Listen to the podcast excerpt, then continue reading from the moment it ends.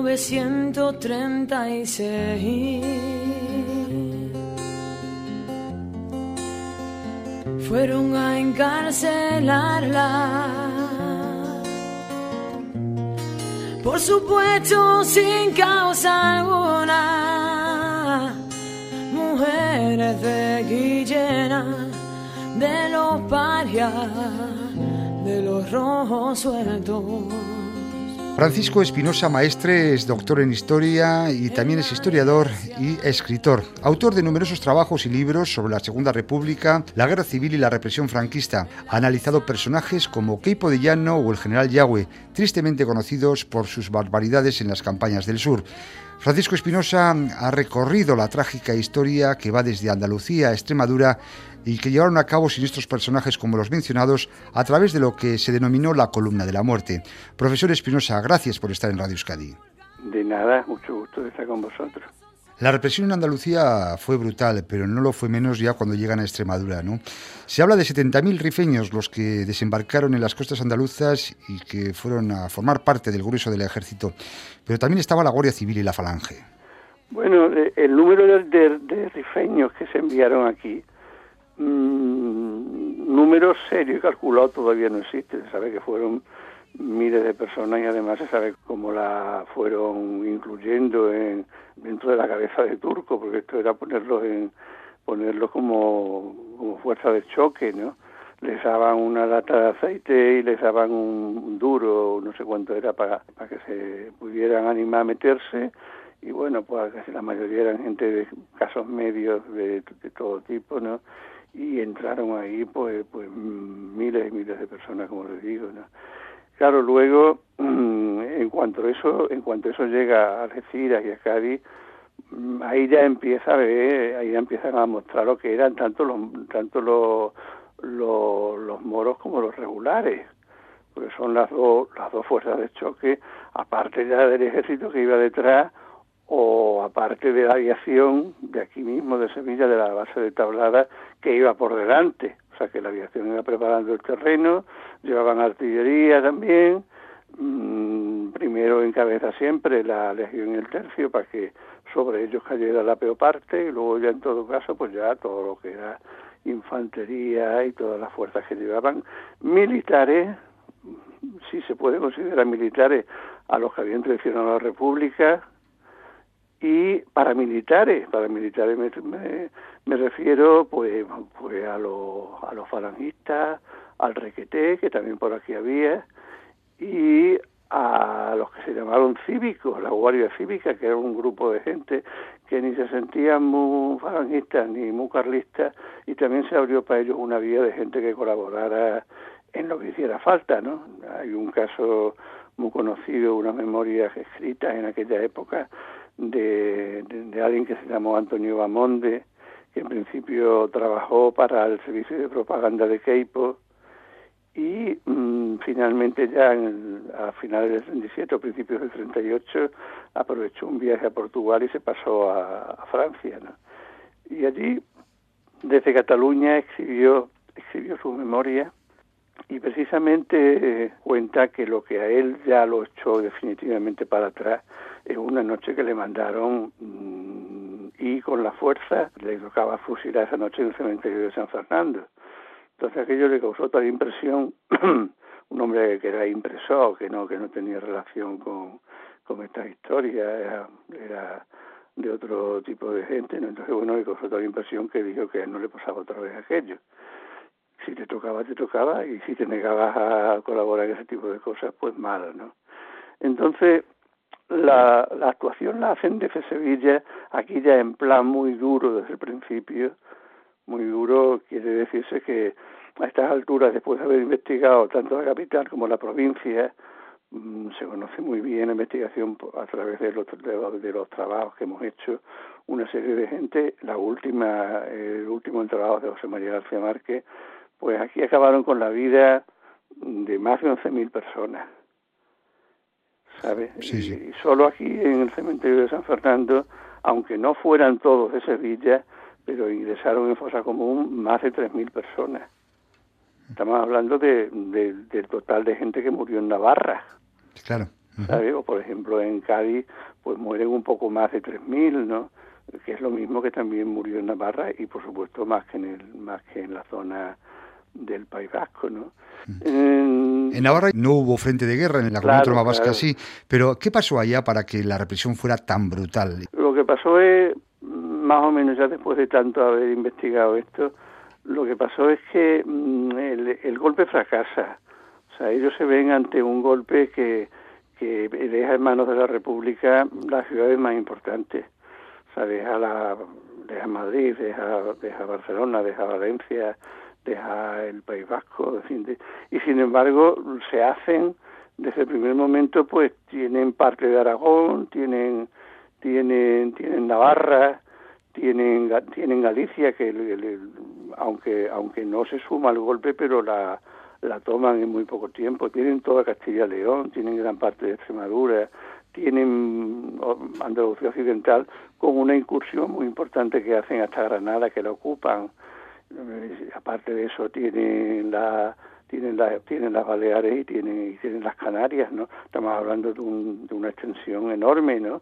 Desde el mismo momento ya implantan lo que quieren hacer y claro, lo que quieren hacer, dado la situación en la que se encuentran, de que tienen que llegar a la capital, de que tienen que pasar por zonas donde van a encontrar oposición, porque sabían que iban, que iban a encontrarla, y que, y que se ven un poco con, ante la duda de que puede pasar un golpe, que claro, solo, entre comillas, ha triunfado en el norte de África, que es donde ha...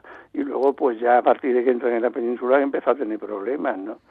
Entonces mm, deciden, sobre todo en la zona suroeste, suroeste española, que es la zona mm, primera en la que entran y en la que quieren mostrar lo que están dispuestos a hacer, deciden aplicar una represión brutal, sin límite alguno, donde igual matan a hombres que matan a mujeres, Estamos hablando, por ejemplo, en, en Sevilla, bueno, pues ya te, ya te comentaba antes que mueren mueren más de 11.000 más de 11.000 personas, de las cuales 744 son mujeres. Y en el caso de, en el caso de Badajoz lo mismo, también también el número de víctimas total está en torno a las 11.000 personas y, y, bueno, pues matan también a 707 mujeres, ¿no? que son auténticas barbaridades porque además no se como no se contentan solo con, con matar a los hombres, a gente muy joven, con apenas la mayoría de edad, gente muy mayor de todo tipo, a mujeres, incluso a mujeres embarazadas, que hay casos de, de por, por aquí, por el sur, algunos ya estudiados, de mujeres a las que les da igual que estén embarazadas como que no estén embarazadas. ¿no? Ha mencionado ya Badajoz, efectivamente está la batalla de Badajoz y está la matanza de Badajoz, ¿no? En concreto también hay un episodio brutal que contaban los cronistas de la época, ¿no? Algunos periodistas extranjeros, como fue lo de la Plaza de Toros. ¿Qué ocurrió? Bueno, en, torno a la, a la batalla de Badajoz, pues como en torno a cualquier hecho tan con tanta carga simbólica como, como fue, pues existe de todo. Es decir, por, ejemplo, existe el deseo por parte de fascistas de minimizar lo que había sido aquello, y en todo caso en el lo propio, que si les costó entrar no sé cuánto, que si tuvieron que subir por una muralla de ocho metros, que, que eran todo, eran todo mentiras, ¿no? Y luego también por parte de Madrid, en algunos medios de comunicación les interesaba poner aquello en unos términos tan horribles que, la defensa de Madrid se convirtiera en una obligación y que, y que hicieran frente a lo que les venía encima por lo que les podía pasar, ¿no? Entonces ha estado ahí en entre esas dos fuerzas, ¿no? Yo en la investigación que hice mmm, logré probar desde luego que había sido una matanza brutal, brutal, a pesar de la ocultación de la matanza que desde un principio se, se vieron en la necesidad de acometer porque tanto en Sevilla como en Huelva, donde mataron a más de 6.000 personas, en Huelva provincia, date cuenta que estamos hablando de una provincia pequeña, ¿no? Eh, mataron a más de 6.000 personas. Eh, en, en, Cádiz igual. En todas estas provincias, desde un primer momento tienen, tienen clara la idea de que eso no se puede reflejar en los archivos. Es decir, que tú no puedes permitir que toda esa gente se inscriba en el registro de defunciones porque entonces se va a ver perfectamente qué es lo que es lo que han ido haciendo, ¿no? Y, claro, lo que ocurre ahí es que mm, son raros los pueblos donde realmente se exhibe a la gente dentro de un plazo lógico después de, de, su muerte, que sí estaba controlada perfectamente por las comandancias militares, por los militares, por la falange, por la propia policía gubernativa, las delegaciones de orden público. Toda esa gente sabía perfectamente en cada sitio quién había muerto y quién no había muerto. En el caso de Badajoz, bueno, pues la ciudad la toman con relativa facilidad, nada más que tienes que ver que el número de bajas no tiene nada que ver con el que dijeron, era mucho menor el número de bajas, aprovechan además una zona que se había abierto en el año 34 de la muralla, con lo cual no tuvieron ni que ascender muros ni que nada ni nada de eso, ¿no? sino simplemente entrar por la puerta esa, entrar por otra puerta que también tuvieron ayuda desde dentro, porque no, parte de los militares que estaban en el interior de, de Badajoz, si efectuamos a los carabineros, que sí se mantuvieron fieles a la República, de, entre los demás, la mayoría estaban todos deseando mostrarse abiertamente partidarios del golpe, ¿no?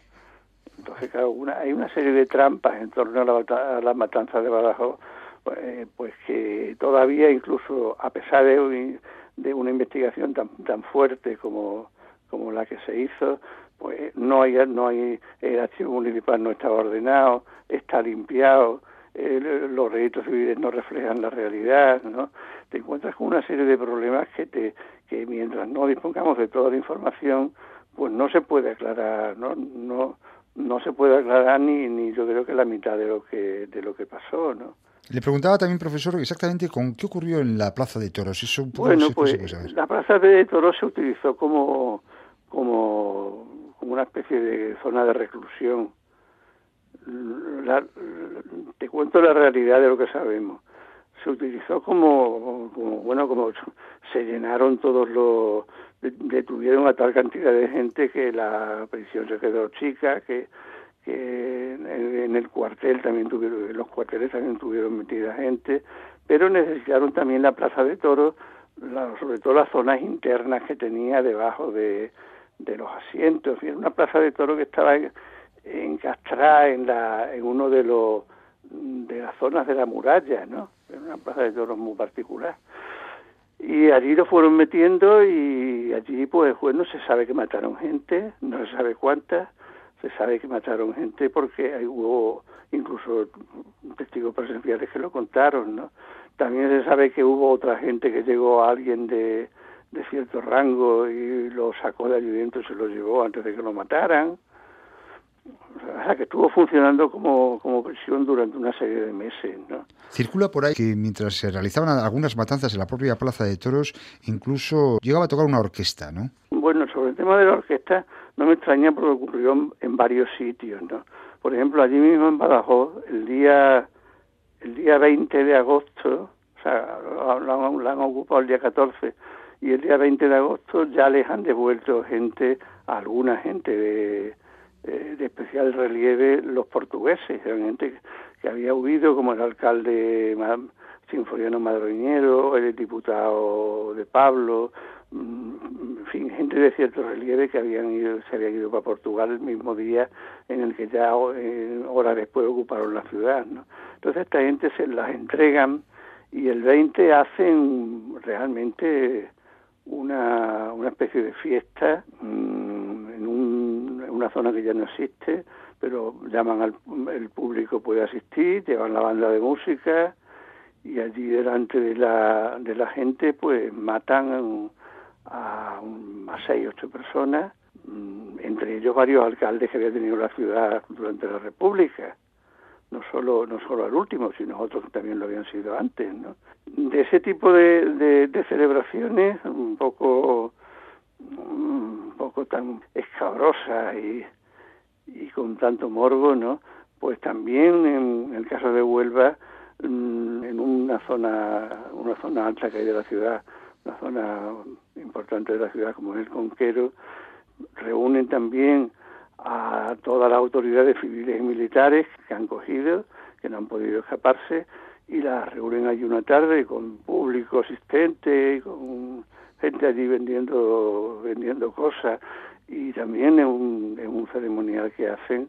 Mm, son de tipo emparizante este tipo de fusilamientos con, con público, con música, o la banda de música, son forman parte de la, de la necrofilia que, que ellos van practicando a lo largo de la, de la subida, ¿no?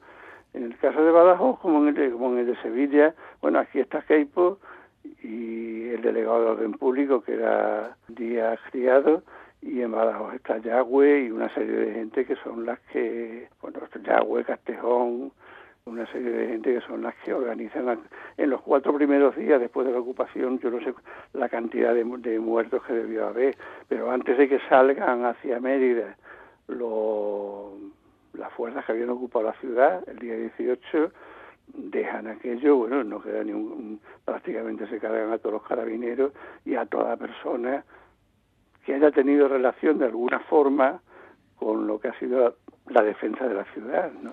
Vamos a hablar precisamente un poco de estos personajes siniestros donde los hubo, como por ejemplo Keipo de Llano, ¿no? un militar que había estado exiliado en París previamente y que luego se une al golpe de Estado franquista. Bueno, Keipo era, era un, básicamente era un trepa porque él toda su carrera militar había sido mm, desde que estuvo en Filipinas hasta que hasta que llega aquí a España y ya empieza su ascenso social porque él era concuñado del presidente de la República, ¿no?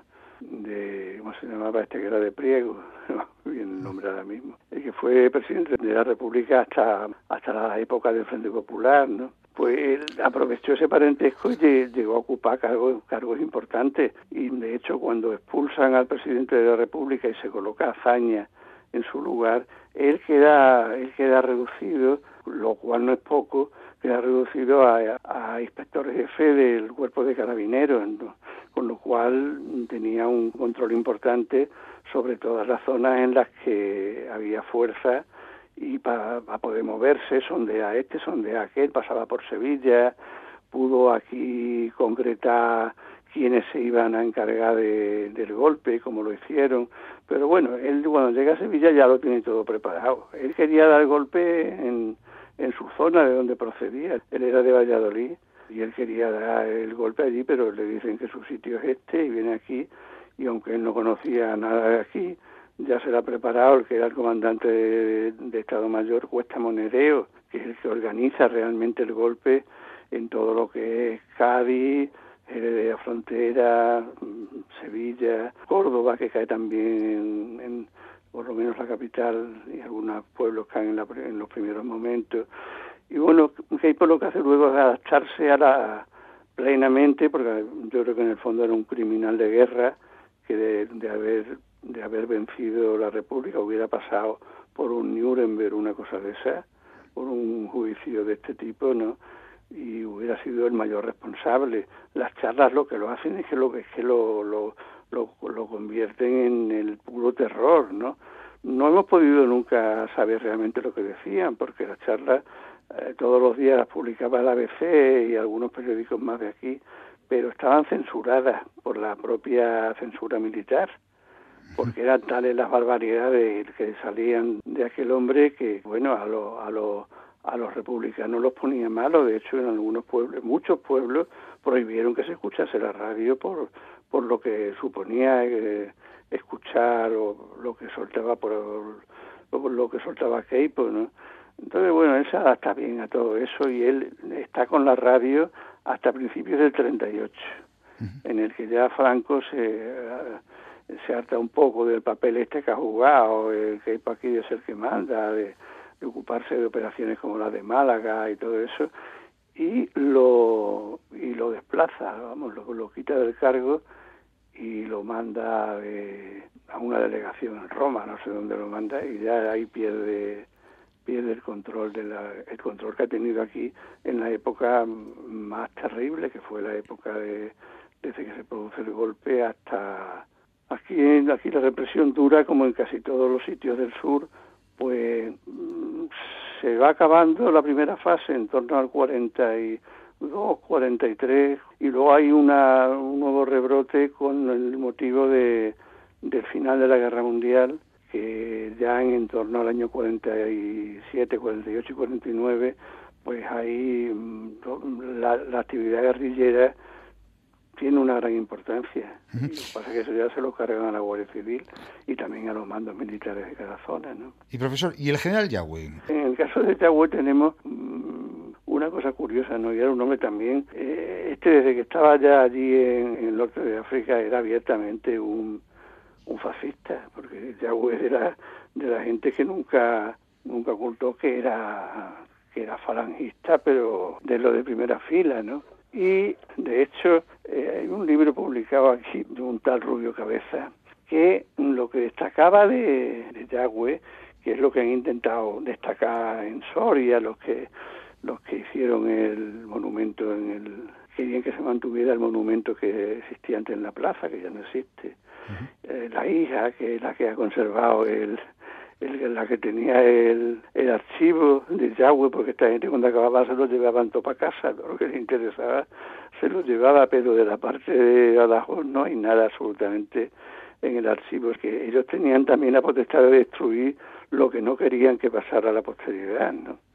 Entonces, este Rubio Cabeza lo que hizo en su apartado que dedicó a Yahweh es destacar un, un texto en el que en el que Yahweh en que Yahweh habla de que tan españoles eran los de un bando como otro, mmm, que en fin que se podía conseguir una una llegar a un acuerdo en fin, una frase que suelta en algún momento y que claro, lógicamente como... Un texto que enfadó mucho, incluso al propio Franco. Mucho, mucho, mucho. Sin embargo, nunca se cita otra frase en la que, bueno, que la, la dio allí en, su tierra, eh, también donde antes de un considerable público, pues soltó, después de la frase esa famosa en cuestión, soltó una diciendo que, que bueno, que, que eh, el que quiera el que quiera seguirnos que nos siga y el que no quiera que no que no lo haga, pero ya sabe dónde acabará, acabará en el paredón. Porque... qué es cierto, profesor, que el general Yagüe dijo a los periodistas de la época que él no hacía prisioneros, no podía cargar con miles de prisioneros? Bueno, eso, eso lo, lo dijo claramente en una entrevista famosa, en una entrevista famosa que le hizo un, un, un corresponsal, ¿no? y efectivamente lo digo, digo, yo cómo voy a seguir yo la ruta que tengo que seguir con una carga de prisioneros detrás, si los dejo allí otra vez volverá a lo que estaba antes, si llevármelo no puedo llevármelo, luego entonces tengo que ir haciendo limpia. Y eso viene a confirmarse más que por los datos que sabemos de de, de por el diario de operaciones de Varela, porque Varela, que te sigue la misma ruta de Yagüe, y van juntos, los llegan hasta Toledo juntos, allí tienen problemas, uno quiere ir a Toledo, otro no. Pero Varela en el, en el diario tiene la costumbre, no sé con qué idea, si de decir los sacrificados que eran, de poner al final de cada época, de, de cada pueblo que va ocupando, el número de bajas propias y ajenas. Entonces, pues resulta de lo más llamativo leer en ese diario una y otra vez durante todo ese periodo que les lleva desde Mérida hasta, hasta Talavera y Toledo y, viendo que las bajas propias pues son dos, tres, cuatro, cinco, de ese nivel estamos hablando. Y sin embargo las bajas ajenas pues son 300, 400, 500, 600. Entonces, claro, pues hay, hay algo raro.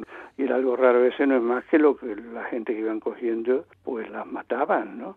Y sobre eso no ya solo es lo que lo que supongamos al leer el diario de, de Varela, sino que incluso hay testimonios, algunos de ellos mm, desde la parte esa, eh, hay, hay testimonios incluso de de curas de, de, de, estos que iban con la con las columnas donde donde piden que se respete la vida de los prisioneros que los prisioneros hay que seguir unas normas de, de guerra y que se que se cuide eso que por lo menos no vayan porque claro iban cargándose en cada sitio donde entraban en cada momento que encontraban oposición pues mataban a los que fueran y luego todos los prisioneros también también se los liquidaban, ¿no? Pues Francisco Espinosa, maestre, hemos empezado esta entrevista escuchando a Lucía Socón, esta sevillana, y vamos a despedirla, si le parece, escuchando a un pamplonés también comprometido con la memoria, como es Enrique Villarreal, el Drogas, con esa canción que ya es un emblema que se llama Matilde Landa. Muchísimas gracias por estar en los hilos de la memoria.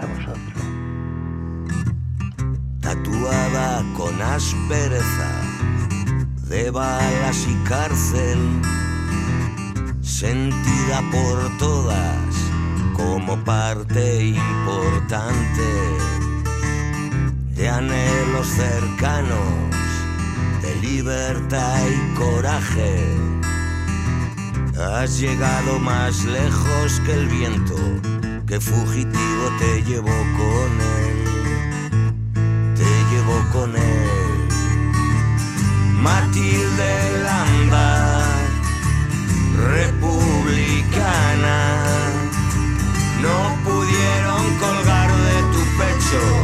ni crucifijos ni sotanas. Matilde Landa, republicana. No pudieron colgar de tu pecho señales amargas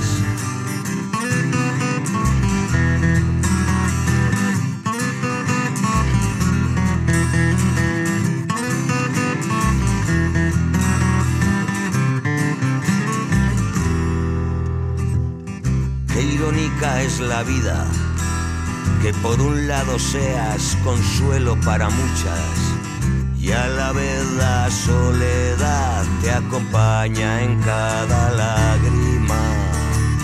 Cuando inventas conversaciones con tu pequeña niña, que en casa continúa esperando a que regreses pa' que regreses. Matilde Landa, republicana, no pudieron colgar de tu pecho ni crucifijos ni sotanas. Matilde Landa, republicana.